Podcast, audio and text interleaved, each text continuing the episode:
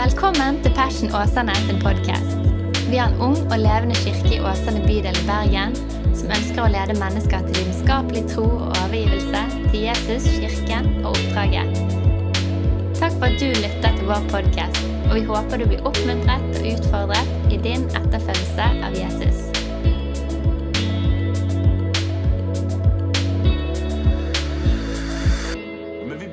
Serie på tre deler ut ifra Efeserbrevet i Bibelen. Og vi i Passion du skal ikke ha vært der veldig lenge før du vet det at vi er en bibelelskende forsamling. Vi tror ikke at Bibel er en fjern fossil fra en fjern fortid, men vi tror at Bibel er Guds levende og tidløse ord til oss mennesker i dag. Og sånn som Forfatteren av Hebreabrevet sier i sin tekst, så sier han at Gud taler gjennom det han har talt. Han sier det nesten sånn. Han sier at Gud, Gud, eh, Gud snakker til oss i dag gjennom det han har sagt en gang. Og Det er nettopp dette som er hemmeligheten ved Guds ord. og Noe av det som gjør det så tidløst og så levende, nemlig at Gud taler gjennom det han har talt. Og Feserbrevet er et fantastisk brev. Det kommer etter Galaterbrevet, det kommer før Filippa-brevet. Og Vi ønsker å være på en reise sammen som kirke. Og Hvis du er litt bevandret i Feserne, så vet du at det er seks kapitler i Feserbrevet. Det betyr at fra neste uke og uken etter der så er vi i Efeserne kapittel 1 og kapittel 2. Og når neste gudstjeneste kommer, og da har vi gleden av å høre Silje forkynne Guds ord til oss, da preker hun ut ifra de neste kapitlene, kapittel 3 og 4. Og så kommer eh, Bodil som skal forkynne den siste delen av serien, og da forkynner hun ut fra kapittel 5 og 6, eller en tekst fra de kapitlene. Så at vi skal være på en reise sammen som kirke, så jeg håper at du er klar for denne uken som kommer, nemlig mandag i morgen. Da skal vi få lov til å bo sammen i Efeserbrevet kapittel 1. Og jeg må si, som en etterfølger av Jesus, men også som gleden av å forberede denne forkynnelsen her, dette har vært utrolig givende for min egen del, så jeg håper at du finner disse ukene sammen i Efeserbrevet veldig, veldig rike. Veldig, veldig rike. Du, helt innledningsvis, Vi begynner med denne serien om Efeserbrevet. Men jeg tenkte jeg skulle gi litt grann informasjon, litt grann background. og Hvis du er som meg, så syns du det er litt kult å få litt sånn kjøtt på beina om tingene rundt før selve budskapet. Og Det skal jeg prøve å gjøre nå. Det antas at Paulus skriver fra sitt første fangenskap i Roma. Og det er ca. 62 år etter Kristus. Da snakker vi rundt 30 år etter at Jesus er korsfestet og dratt til himmelen. Fire år etter å ha satt de eldste i Efesos, som vi kan lese om i Postens gjerninger, det 21. kapittelet. Og brev, brevet blir adressert til efeserne. Men noen av manuskriptene mangler denne adressen. Og tatt i betraktning at Paulus hadde oppholdt seg i Efesos i hvert fall i to år. Hvis du leser Apostelens gjerninger 19, så står det at han, han var i Tyrannes skole i to år og underviste der sånn at Guds ord bredte seg ut over hele området, og folk kom til tro. Men da er det litt rart når du leser Feserbrevet, at han ikke navngir noen folk i denne byen her. Og leser du de andre brevene til Paulus, så skal ikke han ha vært noe et sted veldig lenge før han navngir en haug med folk.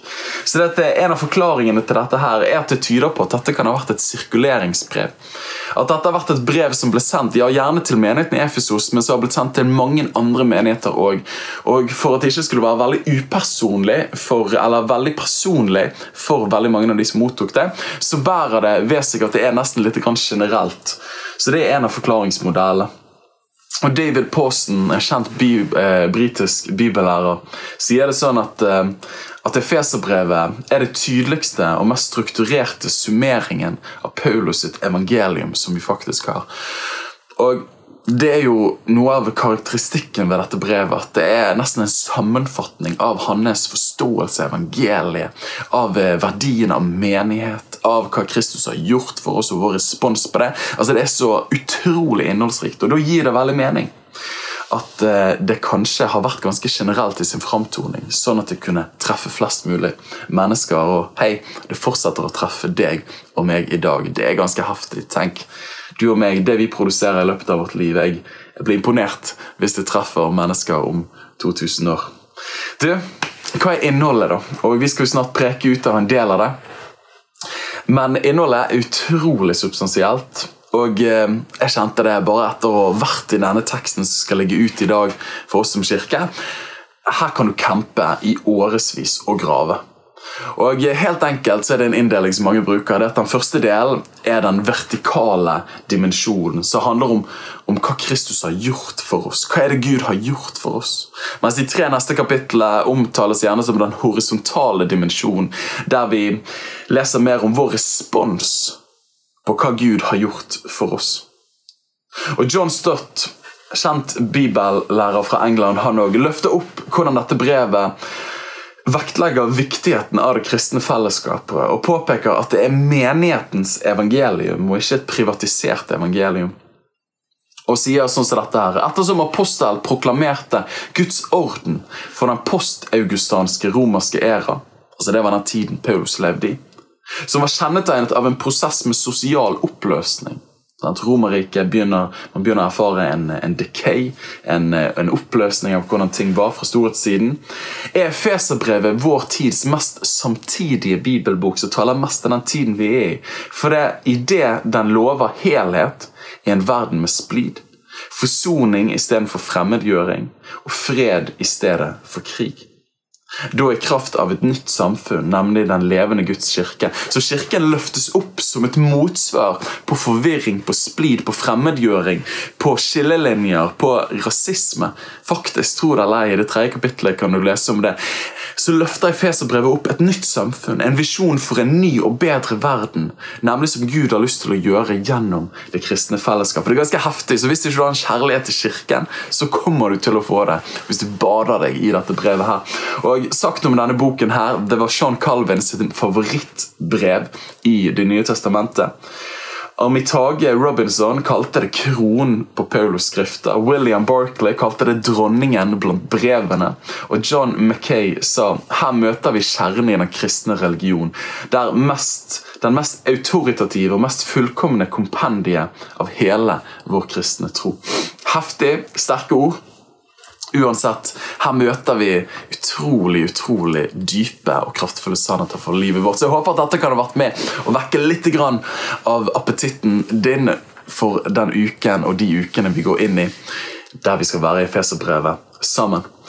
Og I dag så skal jeg ta og preke ut ifra det første avsnittet i brevet her. Og det gleder jeg meg stort til. Du, Kanskje vi tar og be en enkel bønn sammen til å begynne med. Far, vi takker deg for uh, muligheten til å kunne få lov til å være en forsamling som sammen er ditt ord. Og Jeg ber deg, Herre, for de neste ukene at du åpenbarer ditt ord for hver og en av oss. At du berører oss, at du taler til oss. Jeg ber om at det, at det skal være som Paulus sjøl ber i dette brevet. Ikke bare kunnskap, men at det skal være åpenbaring som leder til kjennskap og erfaring og frihet og forløsning og fred og alt godt i våre liv. Og Til det så kan du få lov til å si amen. Amen. Du, En av de store gledene ved å være liten og ved å være med mamma og pappa på butikken når de skulle handle, særlig lørdagshandlingen, det var det som het smaksprøver. Jeg tipper at du husker det, du òg, men smaksprøver det var alltid en høydere. Og hvis jeg husker rett, så De fleste gangene jeg var med mamma og pappa på butikken, så prøvde jeg å orientere meg ganske fort og fikk i hvert fall med meg hvis det var smaksprøver tilgjengelig i butikken. Og Dette var stor stas. For hvorfor var det det? Jo, det var jo som regel det at uh, du fikk smake noe som var veldig godt. Og så var det helt gratis. Og det var helt nydelig. Og jeg husker på Meny på Åsane senter. Dette var jo den litt eksklusive butikken. Det var ikke alltid vi var der, Men de gangene vi var der, så var det ofte smaksprøver, og det var veldig veldig gøy. Og En av mine mine fra jeg var liten, det var at jeg og min gode venn Sverre Mjelstad vi var på Meny, hadde syklet bort der, hadde sikkert noen veldig viktige ærend som vi skulle ta for oss. Og eh, Denne gangen her så var det mest sannsynlig hvis jeg husker rett, lasagne. Og For de av dere som kjenner meg, så er det en all time favorite. Og til og med konfirmasjonen min så sa jeg til mamma jeg sa, mamma, jeg vil ikke ha et eller annet sånn eh, oksekjøtt, jeg vil ha lasagne. Så det var jo litt uortodoks, men jeg fikk lasagne. for jeg synes det var Så godt. Så denne gangen her var det noe kjøtt med noe deilig krydder, mest sannsynlig lasagne. Og Vi gikk bort en gang, fikk en smaksprøve. Vi gikk en gang til og fikk en smaksprøve til, og nå kjente vi at nå har nok vi strukket strikken litt. Så jeg klarte å overbevise min venn Sverre til å ta på seg hettegenseren og eh, tilegne seg en annen dialekt. og For de av dere som kjenner meg og har hørt meg preke litt, så elsker jeg dialekter. Så det var jo latent fra en ung alder, og eh, vi sniker oss bort. Og eh, hadde nok en forhåpning at dette skulle gå fint. Det var nok ung idealisme. Kokken forsto veldig fort hvem vi var. Det var ingen overraskelse, og hun sier 'Jeg kjenner dere igjen'. Dette er siste smaksprøven dere får. Og dette var jo en blanding av pinlig på den ene siden, at vi dummet oss sånn ut som dette, men ganske gledesfullt på den andre siden, for vi fikk jo en porsjon til. Men det var ikke nok til å gjøre oss mett, i hvert fall. Og eh, jeg ser eh, sikkert på at andre òg synes smaksprøver har vært storveis. Hvorfor det? Jo, deilige retter. Smaker helt fantastisk, og de er helt gratis. Den eneste ulempen er at det er nok til å vekke appetitten, men ikke nok til å bli mett. Og Det er en stor utfordring. For nå må du kjøpe og lage resten selv hvis du vil ha mer. Og Det er jo den store fortvilelsen med smaksprøver. At det gir deg en appetitt. Det skaper en lengsel. Du kjenner i smaksløkene at 'dette er godt', dette vil jeg ha mer av. Eneste ulempen er at den lille um, appetizeren den er gratis. Skal du få mer, så må du kjøpe det. Det koster penger. Og ikke minst, det er ingen kokk som følger med deg hjem og lager det. Du må lage det sjøl. Slik erfarer mange dessverre kristenlivet òg. Når man kommer til tro, da fikk man erfare Guds utrolige nåde. Men nå, nå må du steppe opp innsatsen sjøl. Inngangen er gratis, men oppholdet koster. Og så med de fleste apper av verdi på smarttelefoner. Jeg har tenkt på det at eh, Når du laster ned en app og får hørt rykte om en app, eller kommer over en app, så bare tenker du wow, jeg må inn og sjekke på AppStore eller på Android Store. for de som har det. Eh, hva koster den appen? Så kommer du inn der, så er det gratis. Og du bare tenker yes! Endelig en app som er gratis. Og idet du laster den ned og tenker nå skal jeg ta i bruk disse amazing applikasjonene og alle funksjonene som er her, så bare faller det ned over skjermen. Upgrade. Og så kommer det eller annen, et eller annet beløp, hinsides beløp, og du tenker ikke sjans. Og eh, dette her, eller for andre, så har man aldri opplevd å få noe som helst gratis i kristelivet. Men alt har vært for å låne Winston Churchill sine ord blod, svette og tårer. Ja, For mange så er erfaringen nettopp dette her. Kristenlivet til å begynne med, så er det gratis, så er det nåde, så er det godt. Men nå må jeg steppe opp gamet mitt, nå må jeg ta meg sammen, nå må jeg fortjene det, nå må jeg kjøpe resten og lage det, mekke det sjøl. Eller for noen, som jeg sa, så er det dessverre noen som har erfart at kristenlivet det har egentlig ikke inneholdt så veldig mye godt eller gledesfullt fram til nå. Og Spørsmålet som eh, mange av oss stiller, og som jeg har lyst til å stille i dag, er hva har vi egentlig i Jesus? Ja, og hva koster det? Ja, får vi noe gratis? Ja, får vi, får vi alt? Får vi noe? Ja, eller får vi noe som helst gratis i Jesus? Hva har vi i han? Er det noe vi får som vi ikke må fortjene? Eller må vi fortjene alt og mekke det opp og gjøre det på egen hånd? Og nettopp dette her har jeg lyst til å preke utover. Hva har vi i Jesus, og hva koster det? Og Nå skal vi ta og gå ut ifra den teksten vi skal lese i dag. og Det er fantastiske avsnitt, så hold deg fast og vær med meg hjemmefra. Paulus, Jesu Kristi apostel, vi begynner i vers 1, det første kapittelet, ved Guds vilje, til de hellige som er i Efesus, og som er troende i Kristus Jesus. Nåde være med dere og fred fra Gud, vår Far og Herren Jesus Kristus. Lovet være vår Herre Jesu Kristi Gud og Far. Han har velsignet oss med all åndelig velsignelse i den himmelske verden i Kristus. Slik som han utvalgte oss i ham før verdens grunnvoll ble lagt. For at vi skulle være hellige og ulastelige framfor ham i kjærlighet. Ved Jesus Kristus har han forutbestemt oss til barnekår hos seg, etter sin viljes gode velbehag, til pris for sin nådes herlighet ved den tok han oss til nåde i den elskede. I ham har vi forløsningen ved hans blod. Tilgivelse for overtredelsene etter hans nådes rikdom. Denne nåde lot han komme rikelig over oss med all visdom og innsikt, etter at han hadde gjort sin viljes mysterium kjent for oss, etter sitt gode velbehag som han hadde bestemt hos seg selv, om en husholdning som hører tidenes fylde til, og sammenfatte alt til ett i Kristus, både det som er i himmelen og det som er på jorden, i ham. I ham har vi også fått en arv ved at vi ble forutbestemt til det etter hans bestemte hensikt. Han som utfører alle ting etter sin viljes råd, for at vi som tidligere hadde satt vårt håp til Kristus, skulle være til pris for hans ærlighet. I ham ble også dere, etter at dere fikk høre sannhetens ord, det som er evangeliet om deres frelse. I ham ble også dere, da dere kom til tro, beseglet med Den hellige ånd løftet sånn som er pantet på vår arv inntil forløsningen av den kjøpte eiendommen, til pris for Hans herlighet. Heftig, heftig tekst, det her. Dette er de første 14 versene. Og fra vers 3 til 14 så er det faktisk bare én setning. Det er 257 ord på gresk, og det er så langt jeg kjenner til, den lengste settingen som finnes i hele Bibelen. Paulus er så full av patos og lidenskap at han ikke klarer å begrense. Han klarer ikke å sitte der og punktummet, så han bare utpersonerer denne dype, åndelige sannheten. Så dette, Her er det mye patos, her er det mye lidenskap, og jeg skal gjøre den fryktfulle jobben med å prøve å knekke opp nettopp dette her. Og jeg har lyst til å begynne med det tredje verset. Det første er en innledning. Jeg har lyst til å begynne med det første verset, der han sier 'Lovet være vår Herre Jesu Kristi Gud og Far'. Han har velsignet oss med all åndelig velsignelse i den himmelske verden i Kristus. Dette her er fantastiske vers, og dette er vers som du kan stoppe opp med. Og Jeg husker at eh, jeg satt på bussen for en hel del år siden og møtte en person der vi kom i snakk om kristen tro. Og Denne personen her var av en annen eh, del av kirkelandskapet. Eh, og snakket om at, om at vi trenger å bli velsignet. Vi har ikke all velsignelse som vi trenger og snakket om at man måtte gjøre seg fortjent til, man måtte leve på et gitt vis. Og så husker jeg i etterkant av den samtalen at det ble litt grann satt ut. og bestandig stemmer dette her. Og da husker jeg det kom til meg i dette verset her. For han har velsignet oss med all åndelig velsignelse i den himmelske verden i Kristus. Jeg har lyst til å bare knekke opp disse ordene som du ser her. Det første er 'har'.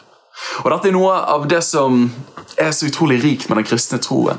Nemlig 'har'. Hva tid står det i? Hvis du husker bøyningen av ulike verb, så har du infinitiv og spise. Eh, presens 'nå spiser jeg' og preteritum 'i går spiste jeg', og så er det perfektum 'har spist'. Jeg var ingen stor norsk elsker, det skal jeg innrømme, var den første til å innrømme.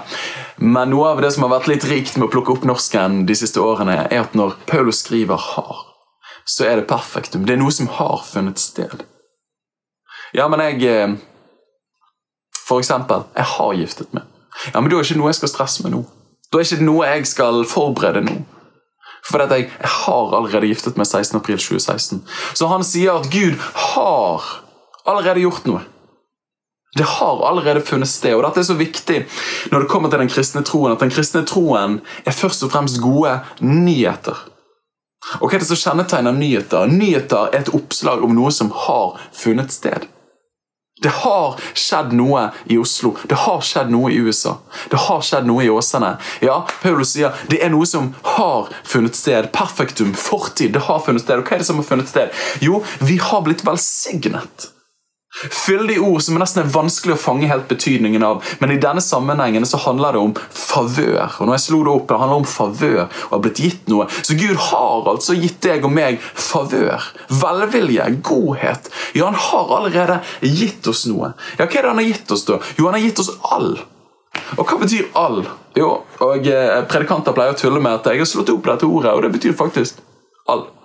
Så jeg slo opp dette ordet her. Hva betyr ordet all eller alt? Ordet alt som jeg har slått opp, betyr faktisk alt. Det betyr all. Og ordene som kom, var på engelsk each, every, any, all, the whole, everyone, all things, everything. Du tar bildet alt. Så du har allerede blitt velsignet, fått favør, mottatt gaver. Ja, ikke noe, men faktisk alt. Ja, og hva er dette her? Hvor er disse velsignelsene? Jo, den åndelige velsignelsen det er en åndelig velsignelse i den himmelske verden. Hvis det er én ting vi mennesker trenger, så er det ikke først og fremst materielle velsignelser. Gud ønsker å ta seg av oss på de områdene òg, det vet vi. Men eh, disse tingene forgår. Men det er åndelige velsignelser som vil vare evig, ettersom vi alle synder og har ingen god sak fremfor Gud. Men nettopp i det åndelige og himmelske fremfor Gud har vi blitt gitt alle ting og all favør. Så Når du og meg står foran Gud, i oss selv så har vi ingenting å vise til. I oss selv så kommer vi til kort. Vi er falne mennesker. Men så sier Skriften at Gud har velsignet oss med alt favør. Med all godhet, med all velvilje. Hei, du, De tingene som diskvalifiserte deg, egentlig, det er slettet bort. Når du står foran Gud, så har han velsignet deg med total favør og velvilje. Ja, Hvor finner vi dette? her? Jo, vi finner det i Kristus. Paulus sitt favorittuttrykk, som han bruker hele 34 ganger i dette brevet. her. Og jeg husker jeg syntes det var vanskelig å forstå til til å begynne med når jeg leste Feseren. Jeg bare, Hva er denne hiccupen med i Kristus, i Jesus? Altså, Hva er greiene her, liksom? Men helt enkelt, teologen Anti Wright sier det sånn at, at det å være i Kristus betyr helt enkelt at det som er sant om Jesus, det blir sant om deg, og det blir sant om meg. Og, altså Det er nok til å bare campe der og bli i godt humør og, og bre et stort lørdagssmil på ditt ansikt. For det, er det som er sant om Jesus, det er sant om deg og meg. Det er ganske heftig. Og Paulus går rett på å svare på spørsmålet som kristne til alle tider har stilt, og som vi stilte i innledningen. Ja, hva er det egentlig vi har i Jesus, og koster det oss noen ting? Og han sier nesten sånn Ja, Gud har allerede gitt dere alt som finnes av velsignelser, favør og gaver fremfor ham fremfor Gud og alle åndelige makter. Ja, Det finnes åndskrefter der ute, så Paulus snakker ganske mye om i dette brevet. Og så sier han at foran de åndskreftene så er dere også velsignet med all velsignelse. Det betyr at de ikke kan touche dere, det betyr at de ikke har makt over dere lenger. For at gjennom Jesus Kristus så har dere alt favør. Og Selv om jeg hadde lest dette her tidlig i kristenlivet mitt, så skulle det ta meg mange år før jeg faktisk begynte å stole på nettopp dette. her. Ja, For hvis alt er gratis, så må det være et eller annet som ikke stemmer. Ja, altså, det er jo ingen som gir noe av virkelig verdi gratis. Og Denne mistanken her er det akkurat som Paulus plukker opp. Og Han visste denne kunne melde seg, derfor går han videre og knekker opp hva denne velsignelsen her faktisk betyr for noen ting. Og Nå skal vi hoppe litt videre i teksten her. Og Det første han åpenbarer, er at eh, du, denne velsignelsen her er en velsignelse som innbefatter fortiden, faktisk. Ja, velsignet i fortid. Dere er utvalgt. Vi leser i versene som følger dette første verset, det fjerde verset og femte verset. Så sier han slik som han utvalgte oss i ham før verdens grunnvoll ble lagt, for at vi skulle være hellige og ulastelige framfor ham i kjærlighet. Ved Jesus Kristus har han forutbestemt oss til barnekår hos seg etter sin viljes gode velbehag. Her møter vi en av de store mysteriene i evangeliene, i fortellingen om Gud. både både før tid og sted, så hadde Gud utvalgt, så hadde han forutbestemt oss, meg, deg, til å være hans. Innenfor protestantisk teologi så har man egentlig to hovedsyn på dette. her. Man har det reformerte eller kalvinistiske synet, der man tror at Gud bare har utvalgt noen til å bli frelst.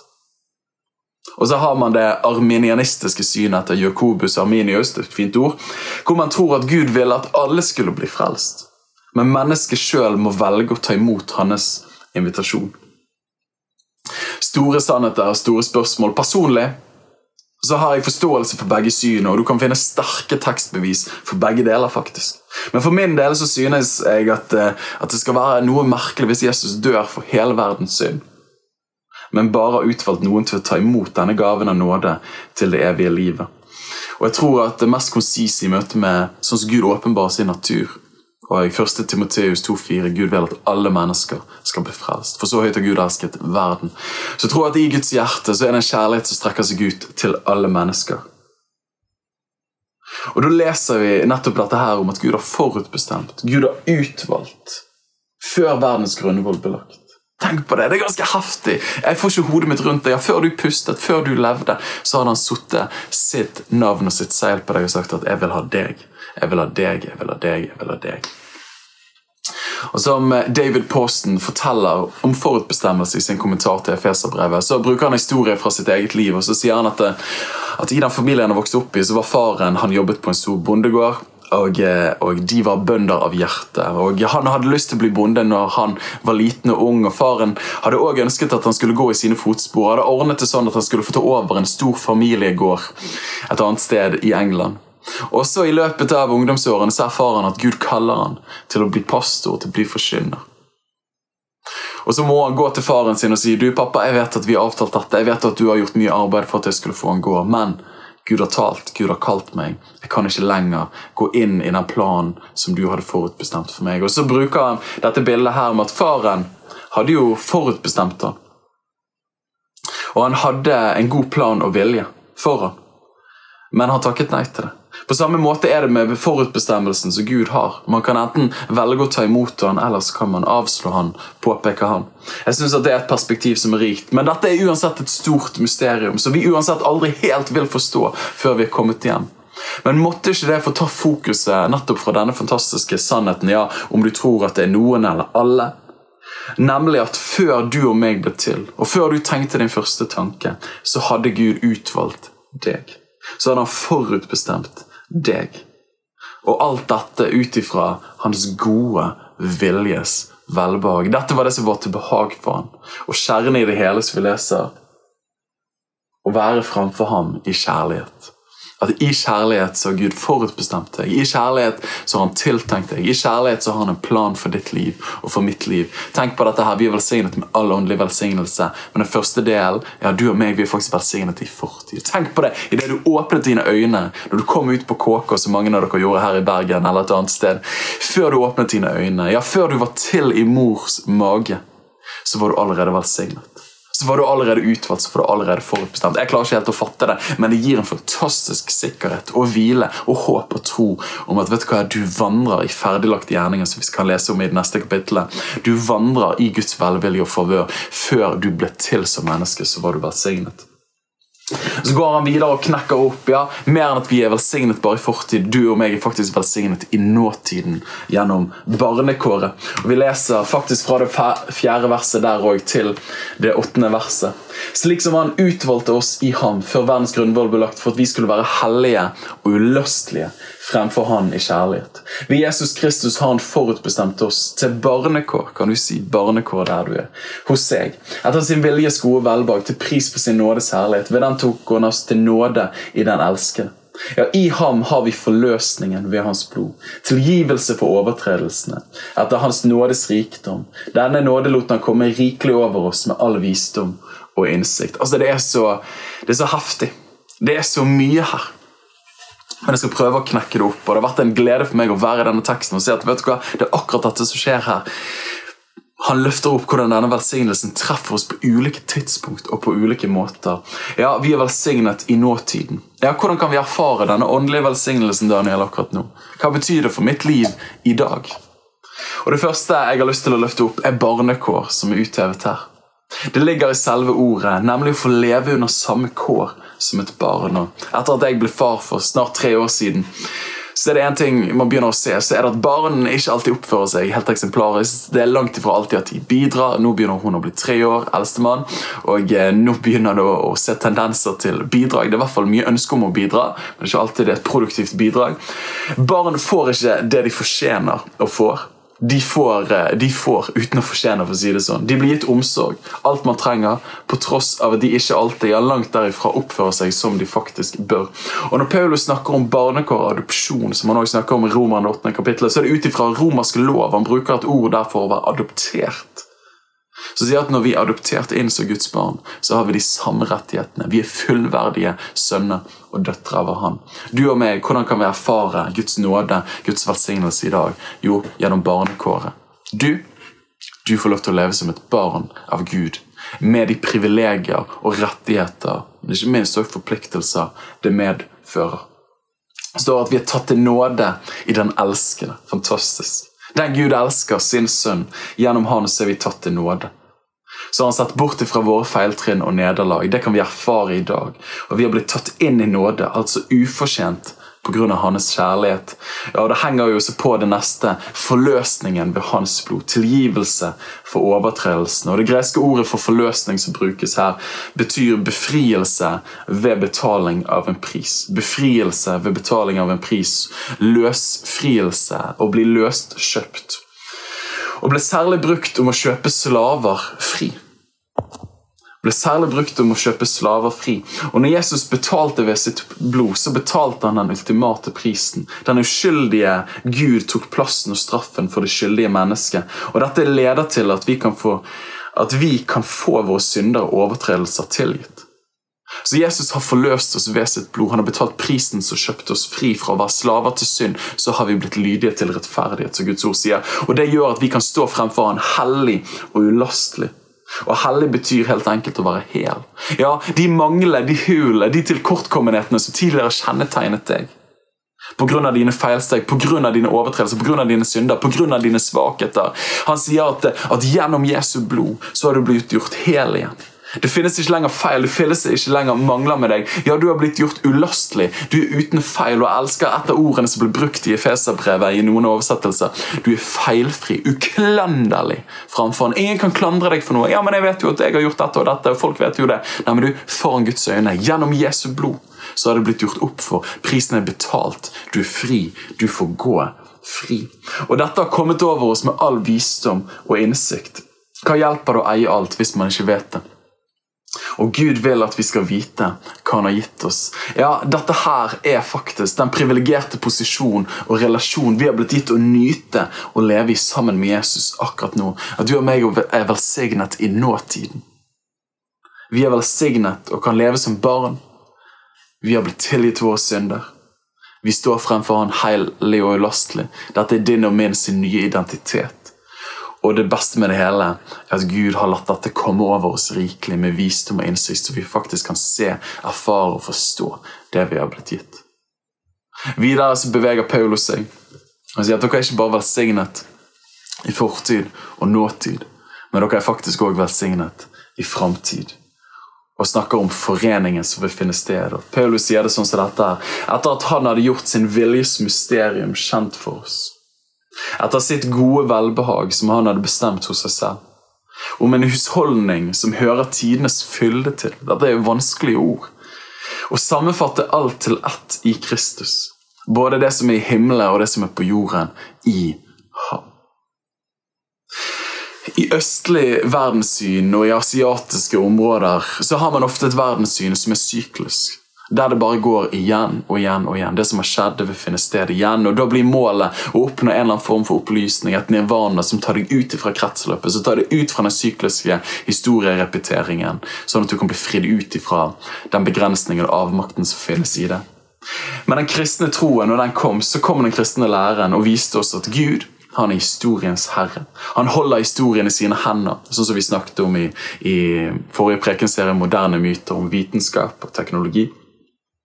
At Gud startet historien, han opprettholder historien, og han vil òg fullende den. Ja, vi skal ta klimakriser, vi skal ta kriger og globale utfordringer på alvor, men som en kristen så er ikke vårt håp og erfaring av fred dypest sett bunner ikke på hvordan vi mennesker håndterer og takler disse utfordringene. For til de store hele så takler vi det ofte ganske dårlig, men dypest sett så hviler vår tro, vårt håp, vår fred, våre framtidsforventninger på at Gud fører alt sammen mot et herlig mål. Ja, Hva er dette herlige målet som Bibelen snakker om? Ja, Hva er hans viljes mysterium? Hva, hva betyr det å sammenfatte alt det etter Kristus, både det som er i himmelen og det som er på jorden, i Han?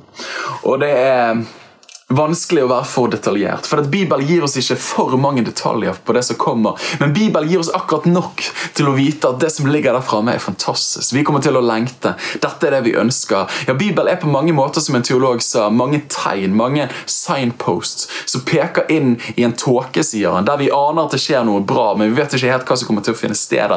Jeg har heller lyst til å si at Bibelen er som tegn, ja, som, som skilt som peker oss inn i en fjern horisont, så vi bare kan skue der borte. men vi ser at det er lyst. Vi ser, vi kjenner varmen derifra. Vi merker gleden som kommer fra det stedet. Vi kan ikke se detaljene, men vi merker at, at vårt hjerte sitt hjem finnes der i horisonten. Og vi lengter etter å komme dit. Og nettopp dette er det han snakker om, tror jeg. At han skal ta alt det som er i himmelen, det som er på jorden, og det skal komme, det skal bli føyd sammen. Det skal bli ført sammen under Jesus sitt lederskap. Og du har lyst til å si til deg, Hvordan var Jesus når du leser evangelien? Han var full av nåde, han var full av sannhet. Han løftet opp de nedbøyde, han ga frihet til de fangne, han helbredet de syke, han ga frelse til de søkende. Dette var Jesus. Paulus sier at alt i hele verden, kosmos, universet, skal bli føyd under Jesus sitt herredømme. Alt skal bøye seg for han, leser vi om i, hans andre brev. Alt skal bekjenne at han er herre. Ja, Jesus skal bli gitt til hodet. Og Det betyr lederskapet, den øverste autoritet, og alt skal komme på linje med han. Det betyr at alt skal bli som Kristus. Og folkens, det er ingen jeg heller ville vært rundt enn Jesus. Det som ligger der framme, er fantastisk. Den velsignelsen for framtiden som venter oss er nemlig dette her foreningen, at Gud skal skape en ny himmel og en ny jord under Jesus. Og Hvis du har lyst til å vite, vite mer, så gå til Apostelens gjerninger, den siste boken i Bibelen, 21. kapittelet. Der får du til innglimt i hva som vil holde ditt hjerte lengtende til den dagen du når horisonten og kommer hjem. Det er fantastisk å lese om det, så gå og les det. Ja, du Spørsmålet vi reiste i denne altfor korte preken for å gjøre rettferdighet på denne teksten, her, er hva har du og meg i Jesus, og hva koster det oss? Og jeg håper til nå, venner, at det har blitt totalt åpenbart at det å være kristen og det å følge Jesus er milesvis under smaksprøver på Meny. Ja, der det er godt og gratis i begynnelsen, men det blir grusomt dyrt i fortsettelsen. Jeg håper at du ser nå at dette er ikke fortellingen om Jesus. Dette er ikke det evangelium, det budskap som de første kristne formidlerne løftet opp. Nei, langt derifra, som vi leste. Du, vi er allerede, før du og meg åpnet våre øyne, velsignet med all åndelig velsignelse foran Gud i Kristus. Ja, før du åpnet dine øyne, før du presterte et eneste gram av produktiv aktivitet, så var du velsignet, du var utvalgt, du var forutbestemt. Men mer enn det så er du velsignet akkurat nå ved at du står fremfor Gud hellig og lastelig, at Han har forløst oss, at dine synder er gjort opp.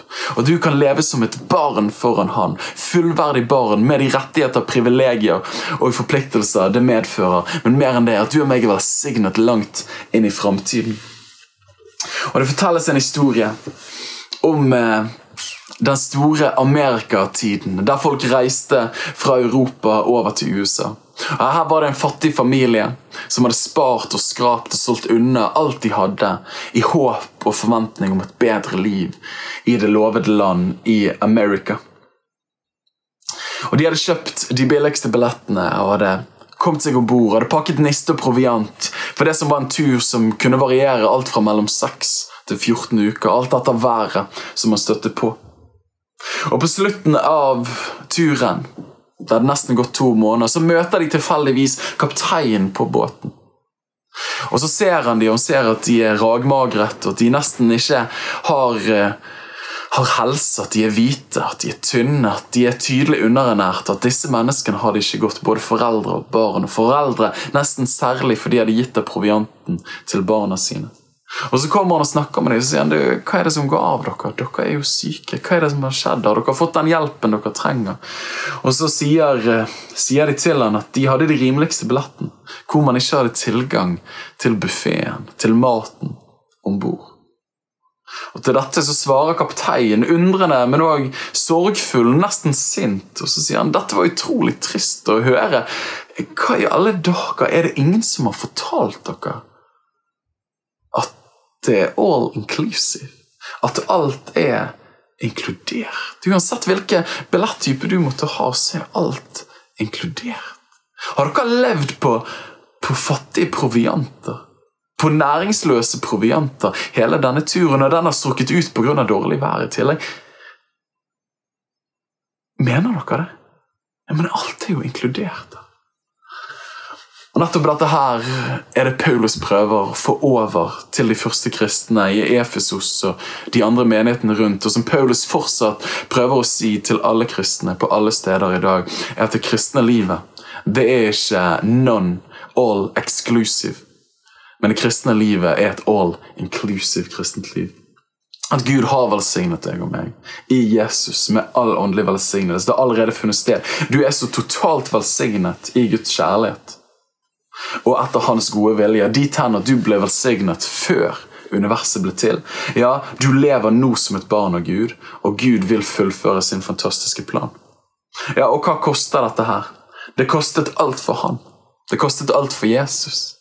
Forløsningen ved hans blod. Men siden han betalte alt, så kan du og meg ta imot alt dette her for intet. Dette er hva som gjør det nesten for godt til å være sant.